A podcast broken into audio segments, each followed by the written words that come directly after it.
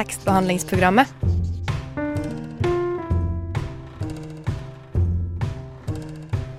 Tekstbehandling på radio.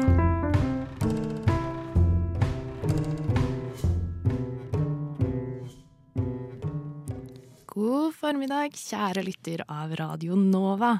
Lesing hæ? Det er nice. Hva leser du nå? Aha! Hvorfor det? Anbefalte tanta di den? Eller så du den, noen prate om den på TikTok? Eller er den skrevet av nobelprisvinner og har vært mye omtalt i media?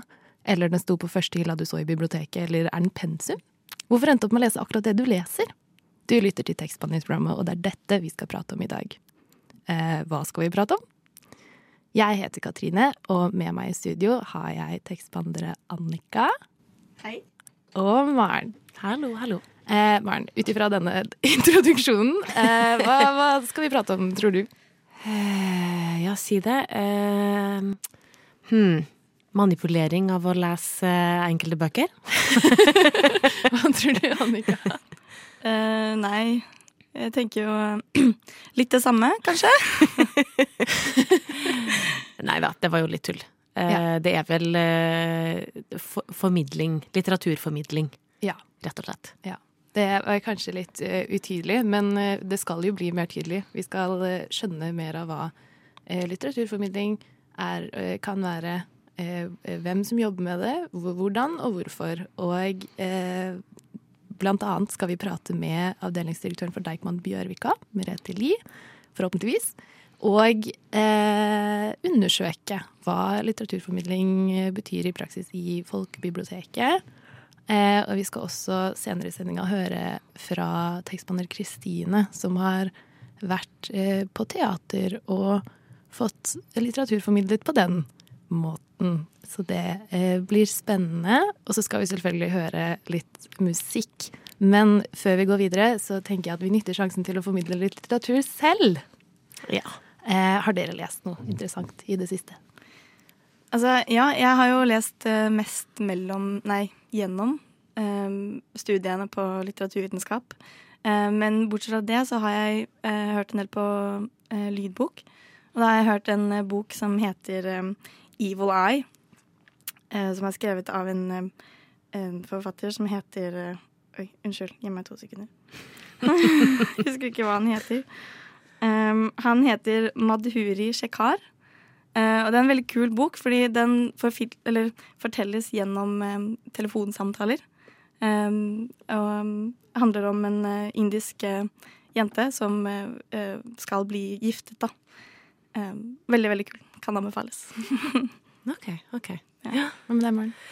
Uh, ja, det, bortsett fra pensum, som jeg tenker er altfor kjedelig, det orker jeg ikke å formidle her. det skal folk få slippe. Um, men det blir jo så vidt litt eh, lesing eh, på senga før jeg sovner, og da er det en bok som heter Å snakke med fremmede, av eh, Malcolm Gladwell. Den kom ut i 2020 og er litt sånn eh, Ja, rett og slett handler om hvorfor misvi, misforstår vi andre så lett? Hvorfor klarer vi ikke å skjønne når noen lyver, eller noen snakker sant? Det, og så er det masse, masse eksempler. Masse interessante eksempler som man kan flire av, og man kan sitte og bare sånn Herregud, er det mulig? Er det mulig?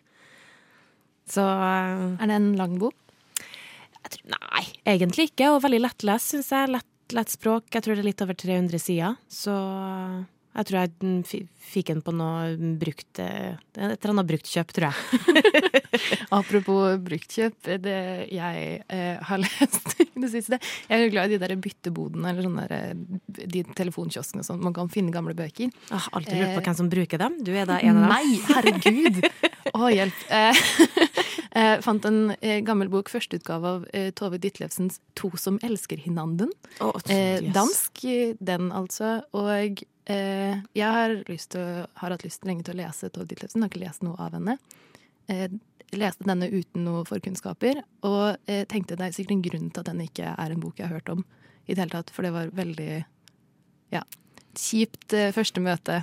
Helt, helt OK, på en måte, bare okay. kanskje ikke det mest interessante. Men jeg leste etterpå at den ble skrevet på eh,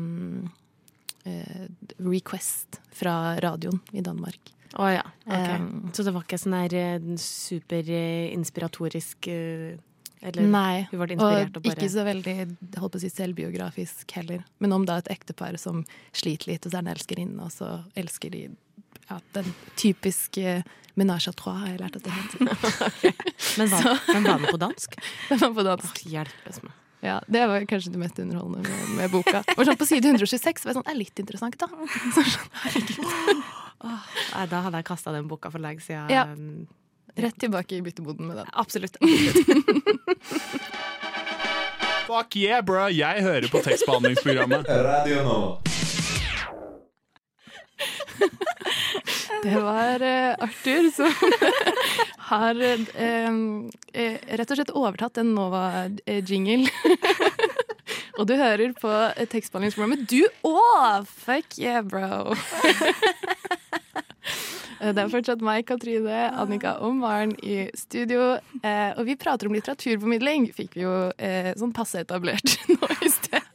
Maren må slutte å le. Ja, nei, den tok, den, den tok meg Vi har laget nye jingler. Det er veldig gøy for oss i redaksjonen. Eh, Men eh, litteraturformidling, dere.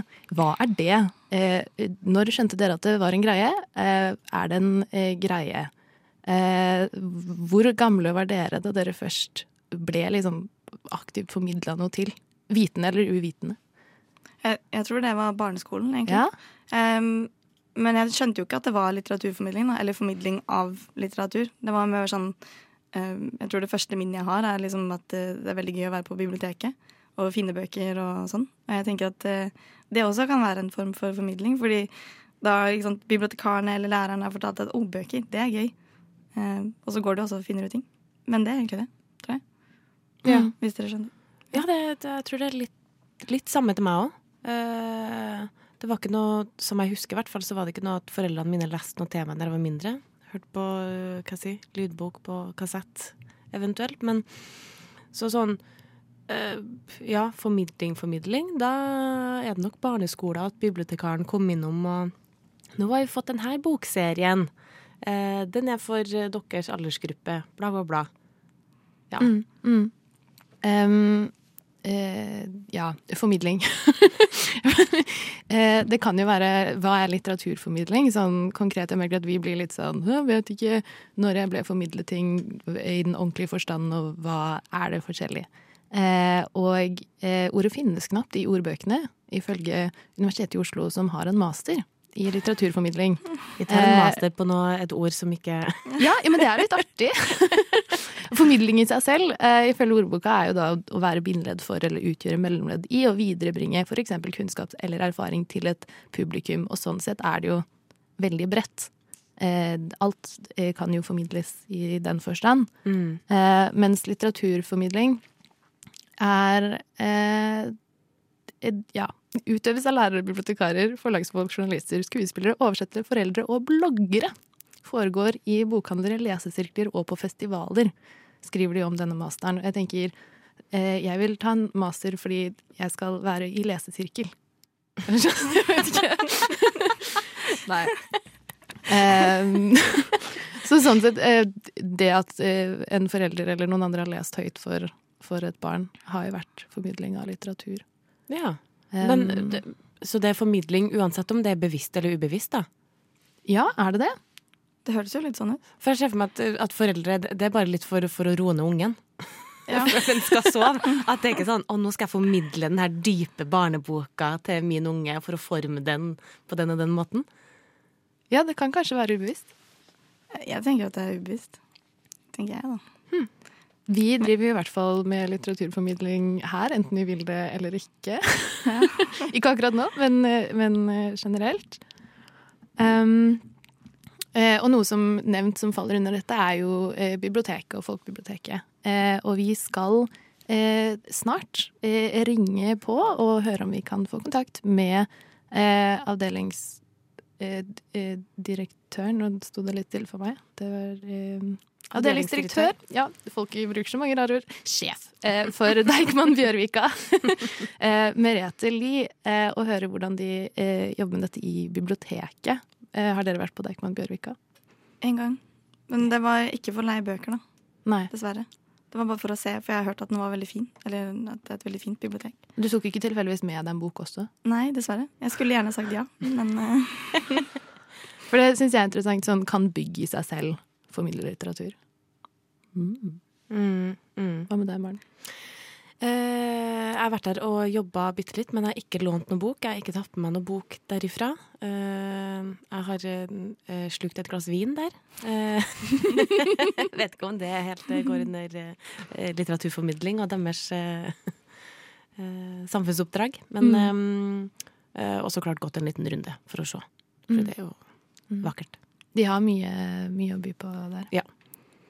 Uh, ja, jeg tenker vi spiller en låt, og så prøver vi å ringe henne opp Ja. etterpå. Ja. Og så blir vi sikkert klokere Ja. etter å ha prata med henne.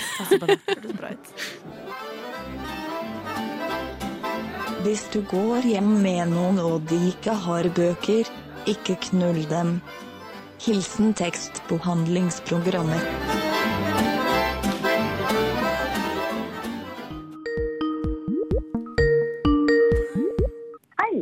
Hei. Hallo! Hallo, hallo! Hallo, hallo. Har vi kommet fram til Merete Lie på Deichman Bjørvika? Dere har kommet til Merete Lie på Deichman. Fantastisk! Eh, jeg er da Katrine, og vi er tekstbehandlingsprogrammet. Eh, Med meg her sitter Annika. Annika? Og Maren. Yes. Eh, og du er. Ja, det syns vi, òg. Eh, Du er Merete Lie, avdelingsdirektør for eh, Deichman Bjørvika. Og det eh, har du vært siden før hovedbiblioteket flytta fra eh, Hammersborg. Og før det så jobbet du på Litteraturhuset i Fredrikstad, hvor du var med fra før det startet også, og, og drev det veldig vellykka. Og før det igjen så var du eh, jobbet du i DNB og var sjef der veldig lenge. Eh, ja. Det er litt av en CV. ja. Ja. Den, den, gjorde en, den gjorde en sving eh, fra bank til eh, Litteraturhus i 2012. Da hadde jeg vært tolv år i bank og hadde lyst til å, til å vende blikket mot noe helt nytt. Så da dro jeg til Fredrikstad. ja. Yes. Eh, for du, du har uttalt eh, tidligere at eh, litteratur og bøker det er selve limet i samfunnet. Brenner du for, for litteratur? Selvfølgelig, Det var en spenstig uttalelse, men jeg, jeg mener at bøker og kunnskap og lesing har en, en veldig stor verdi. Alltid les mye selv. Ser hvor, hvor viktig litteratur og lesing og bøker og kunnskapsdeling fortsatt er. Eh, Så, så jeg kan stå fast ved det. Jeg ville kanskje formulert meg litt annerledes hvis jeg fikk spørsmål på nytt, men, eh, men meningen står godt fast. Ja, um, i uh, Cassiv, uh, før vi ringte opp deg, så tok vi og snakka litt om uh, litt hva eh, litteraturformidling er for oss, og når vi først ble uh, formidla litteratur til. Husker du hva ditt første møte med litteraturformidling var? Altså, jeg kommer fra et, eh, et hjem som leste, eh, og jeg tror ikke jeg skal si at jeg husker det første møtet. Jeg vet at eh, foreldrene mine leste Donald-blader og leste det vi ikke kunne lese selv, som vi var interessert i før vi lærte å lese. Og da jeg lærte å lese, leste jeg jo enormt mye Hardy-guttene og Frøken Detektiv og Hemmelig S og de barnebøkene som fryktelig mange av de som vokste opp samtidig med meg, leste. Eh, og det ga meg en veldig leselyst. Jeg likte de bøkene kjempegodt. Eh, leste alt. Eh, og det dannet et grunnlag for bred lesing. Jeg tror jo på at lesing i seg selv er bra, og at man ikke trenger å være så fryktelig opptatt av hva man leser. Eh, og hvordan man leser det, men at man leser. Mm. Mm. Ja. um, kan du si noe om eh, hva jobben din eh, innebærer? Du, altså jeg, jeg, jo, eh, jeg driver jo da hovedbiblioteket i Bjørvika, som, som er det største biblioteket til Deichman. Vi har 22 bibliotek over Oslo, og, og jobber jo med lesing i alle bibliotekene våre. Eh, og som leder for hovedbiblioteket er jeg jo eh, i hverdagen eh, liksom et ledd bak de som virkelig jobber med, med det å dele leseglede og, og det biblioteket står for med alle de som bruker oss. Um, men det jobbes jo veldig iherdig. Altså, siden vi åpnet det nye hovedbiblioteket, har vi hatt et enormt godt besøk. Hver dag kommer det ca. 8000 eh, besøkende inn døra, som bruker oss bredt. Alt fra eh, barnehager og skoleklasser, det kommer studenter som leser, det kommer eh, eh deltakere til språkkafeer, det kommer barn og unge som får hjelp til å lese lekser, det kommer eldre som får datahjelp. Det kommer de som bare vil vandre litt rundt og kikke i hyllene og, og, låne bøker. Og det kommer de som setter seg ned og, og leser avisen og blar i tidsskrifter. Eller drikker liksom et eh, glass vin. som, eller drikker et glass ja. vin, som, eh, ja, som altså, kan man også nå drikke et glass vin på biblioteket. Det er veldig stas. Har ikke, vi har ikke hatt en restaurant i biblioteket før vi kom til Bjørvika, så det er, det er et kjempegodt supplement. ja. ja. Eh, jeg tenker vi tar også hører en låt, og så etterpå skal vi prate mer om hvordan dere jobber eh, i Bjørvika og Deichman som helhet, som et eh, folkebibliotek med spesifikt da eh, formidlingen av litteratur. Ja. ja. Da prater vi etterpå. Siri? Jeg er din assistent. Ja. Hører du på tekstbehandlingsprogrammet? Selvsagt. Gjør som Siri. Hør på tekstbehandlingsprogrammet.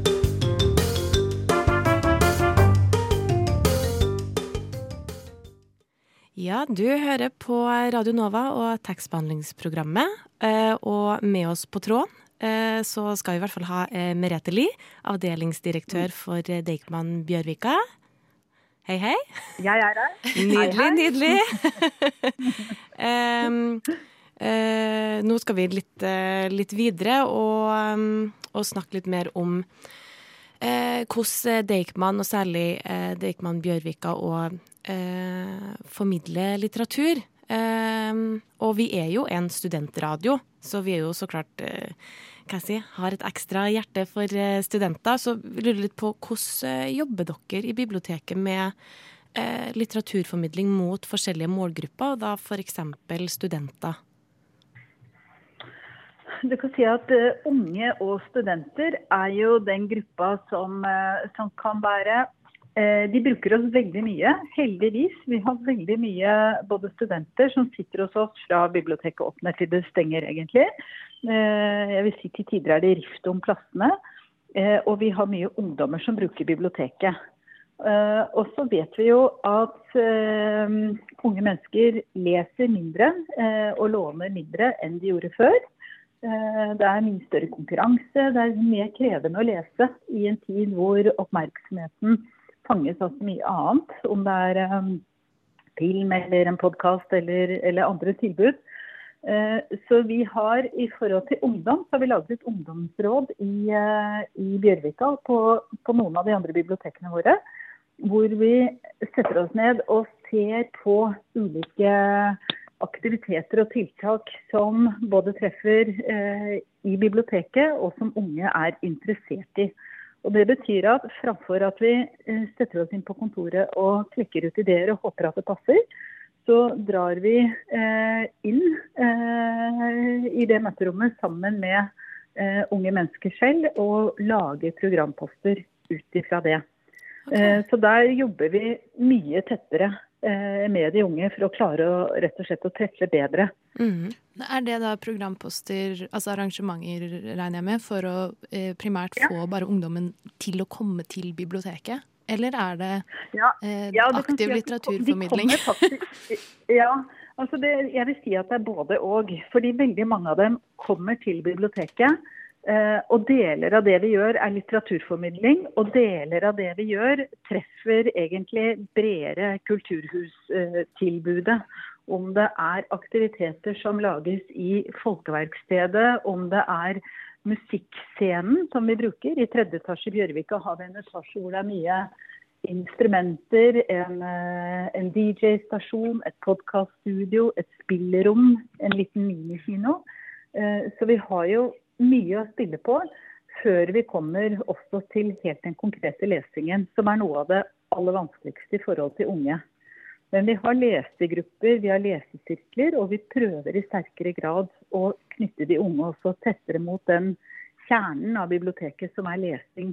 Det er mye lettere med barn. De blir jo leid inn av foreldrene sine eller av, eh, eller av de som jobber i en barnehage eller i skolen, og kommer inn på opplegg som, som treffer eh, leselyst eh, og det å, å, lære seg å like å lese godt. Og på et tidspunkt Eh, når det ikke lenger leies av, av en voksen inn på biblioteket, så er liksom clouet å klare å beholde dem og få knyttet de tettere opp mot det vi gjør.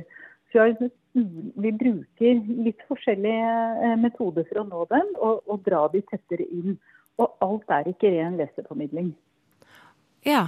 Um, vi har jo eh, i forkant eh, av denne sendinga så har jo vi eh, sett litt på eh, Deichman eh, sine sosiale medie eh, Ulike plattformer. Mm -hmm. For det er jo, òg eh, en arena som mange bruker til å formidle alt mulig, egentlig.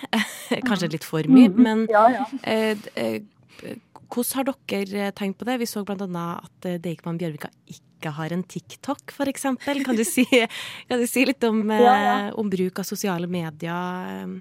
for å treffe unge? Og... Ja, vi har, ja, vi har testet. Altså vi, har, vi, brukte Snap eh, litt, og det var for å kommunisere med unge i koronaen. Vi har jo et bibliotek som bare er for barn, eller for ungdom, for de mellom 10 og 15 år. Eh, vi har testet litt ut eh, TikTok på enkelte bibliotek, og, og, sitter nå og ser litt på hvordan vi skal gjøre det. For det er jo en, eh, er jo en plattform hvor uh, unge er, og hvor Deichman så vidt er. Vi er der i liten grad. Og så ser vi at de, vi ser at de treffer ganske godt. altså Booktalk-knaggen, som, som, som, er lett å se på når man driver et bibliotek. De bøkene som, som løftes fram i TikTok-kanalene, de ser vi lånes ut godt hos oss. Så nå sitter vi og ser på hvordan, hvordan skal vi selv være tettere på også i den plattformen. For det er klart at vi har vi er godt til stede på de mer tradisjonelle plattformene. Vi bruker Facebook, vi bruker nettsider, eh, og vi bruker det bredt til formidling. Eh, og så sitter vi nå og, og ser litt på TikTok og tenker hvordan vi samlet på tvers av Deichman kan, eh, kan jobbe med, også med den kanalen. Ja. Uh, uh, I hvert fall uh, Vi har opplevd at Uh, flere begynte å lese bøker eller høre på lydbøker, særlig under korona? Har dere merka at det har blitt noe større pågang uh, de, det siste året, de siste årene uh, når det gjelder studenter og unge? Eh, ja da. Ja, vi ser jo, vi ser jo at vi har eh, stor pågang på lyd. Eh, og unge mennesker liker jo lyd vel så godt som å lese. Og så er det å, å tilby lydbøker det det har vi, men vi har det ikke i så stor grad som vi skulle ønsket. For det å, å låne ut en lydbok for biblioteket er veldig mye dyrere enn å, låne ut en fysisk bok. Så der har vi noen, eh, noen rene eh, begrensninger i at modellene for kjøp av papirboka og lydboka er så ulike og har så ulike priser. Men vi opplever at lydboken slår eh, veldig godt an eh, også blant unge. Og vi ser jo at deler av papirlitteraturen også treffer unge veldig godt. F.eks. manga treffer på alle bibliotekene og er i vekst. Mm. Science fiction treffer veldig godt og er i vekst. Så vi ser jo at vi gjennom den type litteratur, der øker utlånet, og det treffer både gutter og jenter. Og det treffer unge. Mm. Og det er gledelig. Uh, utover dette, et annet spørsmål. Fordi studenter er jo på en måte unge, men også voksne. Man er jo det mellomspillet. Eh, spillet, mm. ja. og det å på en måte treffe de uh, unge som da ikke blir dratt med til biblioteket av foreldrene sine, det er jo én ting. Men det å treffe de voksne, arrangementer og formidling som dere gjør av litteratur, eh, mm. er det Altså, får dere der inn Eh, eh, prøver dere å treffe alle, alle, voksne, eller blir det de som allerede har en interesse, som dukker opp? og som bryr seg? Så vi, vi prøver å treffe bredt. Altså, jeg tenker vi har noen, jeg drev et litteraturhus før jeg kom til, uh, før jeg kom til Deichman, og vi har noen, vi har noen goder som ved å være så brede og så store, og ikke, ikke minst sitte på så, så vide samlinger som, som, som vi skal formidle utover det som er rent aktuelt. Så vi bruker mye tid på programmering og forsøker å treffe bredt. Det er programmering Eh, av en- arrangementstilbud, altså? Ja, ikke sant? Ja. På litteraturtilbudet. Prøver å tenke ikke nødvendigvis at du har eh, en ny bok hvor forfatteren snakker og møter et intervjuobjekt, men løfter fram noe tematikk og setter folk sammen og forsøker å tenke hvordan, hvordan kan vi klare å favne bredt. Og så er det noe med å ikke gjøre arrangementene så brede at de ikke blir interessante for noen, og samtidig klare å treffe eh, godt. Og også få unge mennesker inn i salen. Det er klart det er lettere å få en, eh, en voksen dame inn i en sal enn en ung mannlig student. Så, så disse tingene her er jo ganske komplekst. Eh, og jeg ser i Bjørvika så har vi vi har mange besøkende og vi har mange på arrangementene, men vi vet litt for lite om hvem de er eh, og hvorfor de kommer. Så det bruker vi tid på nå. Nå har vi liksom brukt et par år på å teste ut nye former for litteraturformidling eh, og formater.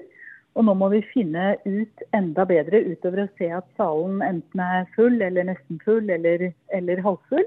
Eh, hvem er de som sitter der, og hva vil de egentlig ha? Så det, hele det arbeidet med litt, litt bedre innsikt i brukerne mm. er vi i gang med. Ja. Det er klart at det hjelper til å kunne lage et enda bedre tilbud. Ja. Kult. Vi ser jo med det blotte øyet eh, hvem som er der, men, men vi trenger enda bedre informasjon for å, for å klare å treffe. Ja, Og vi vil ha eh, de unge studentene inn på arrangementene våre. Mm, mm. Men bare det at de kommer og bruker biblioteket er jo, er jo flott. Vi pratet jo om det, hvordan eh, bygg i seg selv kanskje bidrar litt til formidlinga. Bare det. Ja. Eh, Ja. Altså jeg tenker vi har, Det kommer mange inn, og vi ser jo at eh, besøket har, har økt med 6 eh, Og utlånet har ikke økt med ik- Nei, seksgangeren. Utlånet har ikke økt med seksgangeren, men vi har doblet utlånet. Og vi ser som sagt at vi låner ut veldig mye til barn, og etter hvert ganske mye til ungdom. Så vi, så vi treffer også et, eh, en lesetrend, men jobber hele tiden med å forsøke å forsterke den eh, og oppmuntre til mer lesing. Og det er en, det er en vanskelig oppgave. Mm. Det er forståelig. uh, ja, vi må, vi må Stor videre. oppgave, stor og viktig. Ja, stor og, og viktig, absolutt. Du har også tidligere uttalt at du uh, er i din drømmejobb. Eh, Så det er hyggelig det høres sånn ut. Um, Det er, det er nok knapt mulig å tenke seg en bedre jobb, ja. Ja, det kan jeg skjønne. For meg. Veldig hyggelig å få litt innblikk i, i jobben din, og også hvordan dere jobber eh, i Deichman med litteraturformidling og annen kulturhusvirksomhet. Eh, ja. Tusen takk til deg. Herlig. Ha det godt. Tusen takk. Hei. Mamma, pappa, jeg må fortelle dere noe. Jeg hører på tekstbehandlingsprogrammet. Det gjør også du. Jeg heter Katrine. Med meg i studio har jeg Annika og Maren, og vi har nettopp lagt på eh, etter å ha pratet med Merete Lie, avdelingsdirektør i Deichman Bjørvika. Og vi prater om litteraturformidling. Ja. Eh, ja. eh, var det noe i intervjuet som dere syntes var interessant? Jeg, jeg syns det var veldig interessant med hvordan hun snakket om eh, med, i forhold til formidling til ungdom og student. For jeg følte at eh, når vi spurte om hvordan hun formidlet til studenter, da, så gikk vi veldig fort tilbake til de unge ungdommene. Eh, og det kan jo kanskje være fordi studenter er en veldig vanskelig gruppe å formidle til, fordi det er vanskelig å vite hva de egentlig vil ha. Eh, vi er jo liksom midt imellom det å være ungdom og det å være voksen. Eh, det, Mm. ja. Mm. Og så er det veldig blanda Hvis mesteparten av ungdommen er på nett og TikTok, for eksempel, som vi pratet om, så er kanskje noen av studentene der, og så er det noen som ikke er der. Så du når ikke dem med liksom Nå holdt jeg på å si at TikTok Altså det barnslige. Det blir feil. Men Eller kanskje man gjør det, jeg vet ikke. Men man faller liksom imellom den eh, Ja, ungdom, voksen, eh, og eh, Ja, at man må dukke opp om man har interesse, først og fremst. Faller man fra ellers? Ja, og i hvert fall studenter det, det, som kanskje har mye skole, som kanskje jobber ved sida av. Eh, da er det kanskje ofte dem eh, som allerede er veldig glad i litteratur, og som holder seg oppdatert på det, som leser bøker, mens andre, når de først har eh, fri og slipper å lese pensum, eh, at de da ser serie. Eller ser en film, eller er ute og fester, eller er eh, sosial. Kan jo ta seg et glass vin på Bjørvika, da. Ut og. Jo, jo. jo, jo, jo. Men eh, ja, det eh, Det er jo enklere eh, med unge som eh, der foreldrene drar dem med, eller eh, der lærerne drar dem med, eller eh, Mm. noe sånt, som hun Merete òg nevnte. En ting jeg har tenkt på med eh, Kanskje det ikke er biblioteket som skal treffe ungdommen eh, og studentene. Kanskje de bare ikke får det til. Kanskje det er Sofie Elise og bokklubben hennes som, som skal gjøre det i stedet. Kan være. Ja, og, men jeg tenker da det, mm, eh, de, de har jo et ansvar, tenker jeg da, det, som, eh, det, som bibliotek, som folkebibliotek. Det er ikke ungdom- og litteraturelskerbibliotek. Det, Det er det, er for, det er for folket, så det, jeg tenker litt synd hvis de bare er sånn Ja, nei, vi treffer ikke studenter, så da, da får nå Sofie Elise ta den, da.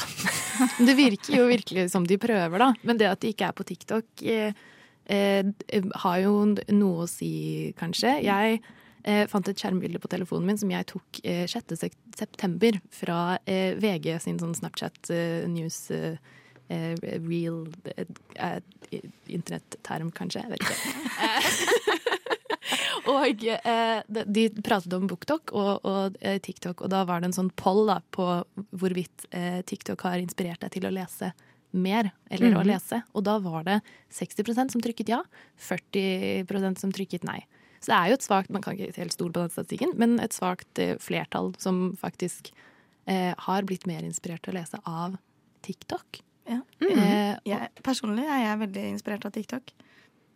Jeg blir veld, altså det er veldig mange bøker som jeg aldri har hørt om, hvis ikke jeg hadde hørt om, nei, vært på TikTok. Men jeg, jeg tenker fordi det er ikke en sånn Eller på TikTok så er det, bruker de veldig mange egentlig kreative måter på å formidle bøker på. Og det er veldig gøy. Du blir litt sånn engasjert i bøkene når du ser på TikTok. Eh, Kan jeg spørre hva det vil si? Hvordan, eh, kreative måter Har du noe eksempel? Ja, jeg, eh, ok, jeg har ikke noen kreativ... Nei, person Nei, sånn eh, Å, hva heter det? Eh, spesifikk person. Men det er veldig mange som forteller en fortelling som om de selv har opplevd fortellingen. Eller historien. Og så er det egentlig en bok. Ok. Så det er veldig gøy. Liksom, de forteller sånn Å, vet du hva, jeg var på date, og så møtte jeg en fyr, og han tok meg med til den fineste restauranten, og så skjedde det noe sykt. Og så blir det sånn Å, herregud. Hvordan, hvordan, opplevde, altså, hvordan klarte du å overleve den situasjonen? Og så skjønner du etter hvert, og så er det sånn «Å, Det blir bare sykere og sykere. Skjønner du at det her må være en faktisk bok. Det er ikke ekte. Og det er veldig gøy. OK. Hm. Ja. Det, jeg er ikke på TikTok, så Nei. Det er der den beste litteraturformidlinga skjer. Og så her i tekstbehandlingsprogrammet, da. um, eh, jo, men, og de som også formidler litteratur, er jo forlag og, og bokhandler. Eh, vi pratet litt om det da vi pratet om, om det vi skulle prate om i dag. At eh, forlagene prøver jo litt også bare med litteraturen i seg selv å nå ut til eh, unge med blant annet eh, De ga ut en sånn Instastory-roman. Mm. Ja, det, mm, det Hvorfor ikke, tenker jeg. Jeg, jeg syns det var litt morsomt. Traff det, tror du? Eh, Har man lest en bok hvis man egentlig bare har sett en Instastory? Ja, har man ikke det? Jo. Jeg tenker Hvis man sier at det er en Instagram-bok, og så leser man den, Mm. hvordan kan man ikke si at man har lest den? Jeg føler de absolutt skal ha for innsatsen. i hvert fall. Det Absolutt. Jeg vet ikke om det, det, det kommer til å ta av helt, men bare det å Jeg syns det er morsom. eh, Men jeg har, kan jeg ha et spørsmål til deg? Fordi jeg har ikke fått med meg den Instagram-boka. Var det en hel bok? Eller var det liksom bare en måte å fortelle om en bok på? Jeg har ikke lest den, men jeg vet i hvert fall at uh, den faktiske boka også ble gitt ut som en fysisk bok. Ja, okay. Um, ja. Ja. Jeg kan ikke si noe mer enn en det jeg har. Eh, konklusjonen er kanskje at det finnes ikke grenser for hvordan man kan formidle litteratur. Gøy. Mm, Ja, det er gøy. I hvert fall det treffer eh, litt yngre enn eh, bokanmeldelser i VG og Dagbladet. Ja. Som ofte, det, Da er det den nye Harry Hole-boka eller til Anne Holt. Mm. Det er sånn Mm. Og da, jeg tror det også er mindre bokanmeldelser nå enn før. I hvert fall i de større avisene. Og så finnes det særere eh, litteraturblader og, og, aviser, bokmagasin og sånn, som anmelder mye, men fortsatt ikke så mye. Eh, så det er mye litteratur som bare ikke blir formidlet. Mm. Og mye litteratur også som f.eks. blir kjøpt inn til bibliotekene, og som også ja, må formidles. Vi har jo pratet tidligere om innkjøpsordninga. Det er jo en slags litteraturformidling fra statens side. men uh, ja. Um, en annen måte å formidle litteratur på er uh, som hvis man spiller det som en fortelling på TikTok, og eh, spille det på eh, f.eks. en teaterscene. Og en som har vært på teater, det er tekstbehandler Kristine. hun fikk formidlet en tekst da hun gikk på videregående, skulle jobbe med den. likte ikke denne teksten, men nå har hun eh, kanskje fått en ny opplevelse. Vi tar en lytt. Tripp, trapp, tripp, trapp. Hvem er det som tramper på min bru? Det er bare tekstbehandlingsprogrammet.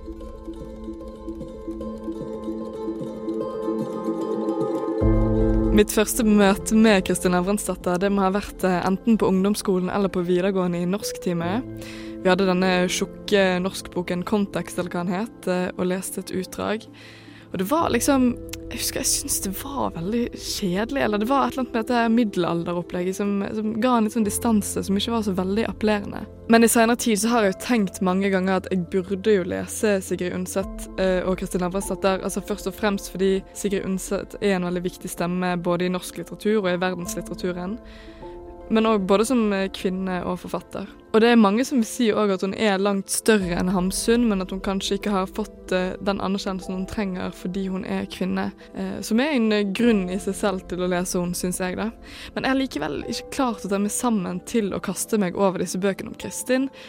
Jeg har vel bare hatt en slags fordom at det kom til å være tungt og tråkigt og kjedelig. Inntil for en uke siden.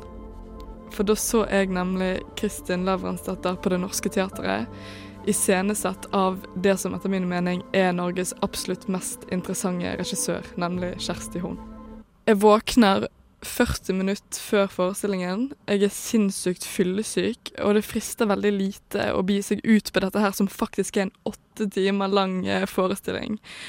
Men jeg eh, tar på meg klærne, og så løper jeg av gårde. Jeg er altfor seint ute, og jeg er selvfølgelig for sein. Alle de andre publikummerne har satt seg ned, og jeg må presse meg eh, forbi de, for jeg sitter selvfølgelig midt i raden. Det velter eh, brusflasker, og jeg mumler 'unnskyld'. Men til slutt så rekker jeg akkurat å dumpe ned i riktig sete før mørket senker seg i salen. Og så jeg er altså vitne til det som for meg hittil har vært den eh, største teateropplevelsen jeg har hatt. Kjersti Horn hun har tatt Sigrid Undset sin tekst, som jeg nå, nå forstår jeg og den er helt fantastisk. Og så har hun laget et eget uh, veldig stort og fantastisk verk oppå dette.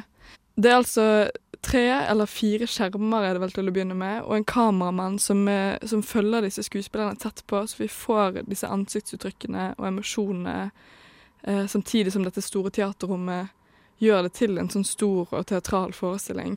Og det regissøren og skuespillerne klarer, er at de klarer å fange essensen i teksten Sigrid på en måte som gjør at det føles veldig tilgjengelig og nært og, og relaterbart, selv om det da handler om eh, mennesker på middelalderen. Og aller sterkest for meg så er det da kanskje Sara Korami sin tolkning av Kristin. For hun formidler denne forelskelsen til Erlend og kjærligheten og skammen over dette, og, og motet til Kristin, og ikke minst kompromissløsheten på en helt fantastisk måte, syns jeg. Det er òg ganske sterkt i seg sjøl at en forestilling som varer i åtte timer, klarer å For det var, det var, altså full sal, og det var den største salen på Det Norske Teatret, som er nesten 1000 stykk, da, uten å vite, tror jeg at det var 1000 stykk. Det kan være at det var langt mindre, men jeg satt nå på plass 500 et eller annet, så det var mer enn 500 iallfall. Um, men også, denne salen er da full eh, i en forestilling som varer åtte timer, og det er ikke et sånn veldig populært eller publikumspleasende grep å ha en forestilling som varer åtte timer. Men Kjersti Horn hun trenger altså ikke å please publikum, for hun er genial, og hun er på mange måter som Kristin eh, kompromissløs. Så vi sitter her, da, denne store folkemassen, i åtte timer, og vi ler og vi griner samtidig. Og det er Det er dette som er veldig sterkt med teater, syns jeg. det, At man, man vet det på scenen er sant på et vis, og man kjenner seg igjen i det samtidig. Og man eh, vet at det som skjer på scenen, også er sånn det er å være menneske. Og teksten til Sigrid Undset hun, den forteller oss nettopp dette. Både hvor vanskelig det er å være sammen, og hvor godt det er å være sammen. Det er i stunder som dette jeg tenker at Eller hvor jeg vil våge å påstå noe så ekstremt som at eh, teateret er den sterkeste av alle kunstformer. Fordi det er en, en så sterk kollektiv opplevelse. Så om du ikke er overbevist ennå, så vil jeg bare si at hvis du skal se én teaterforestilling i høst, så bør det være Kristin Levensdatter på Det Norske Teatret. Uten tvil.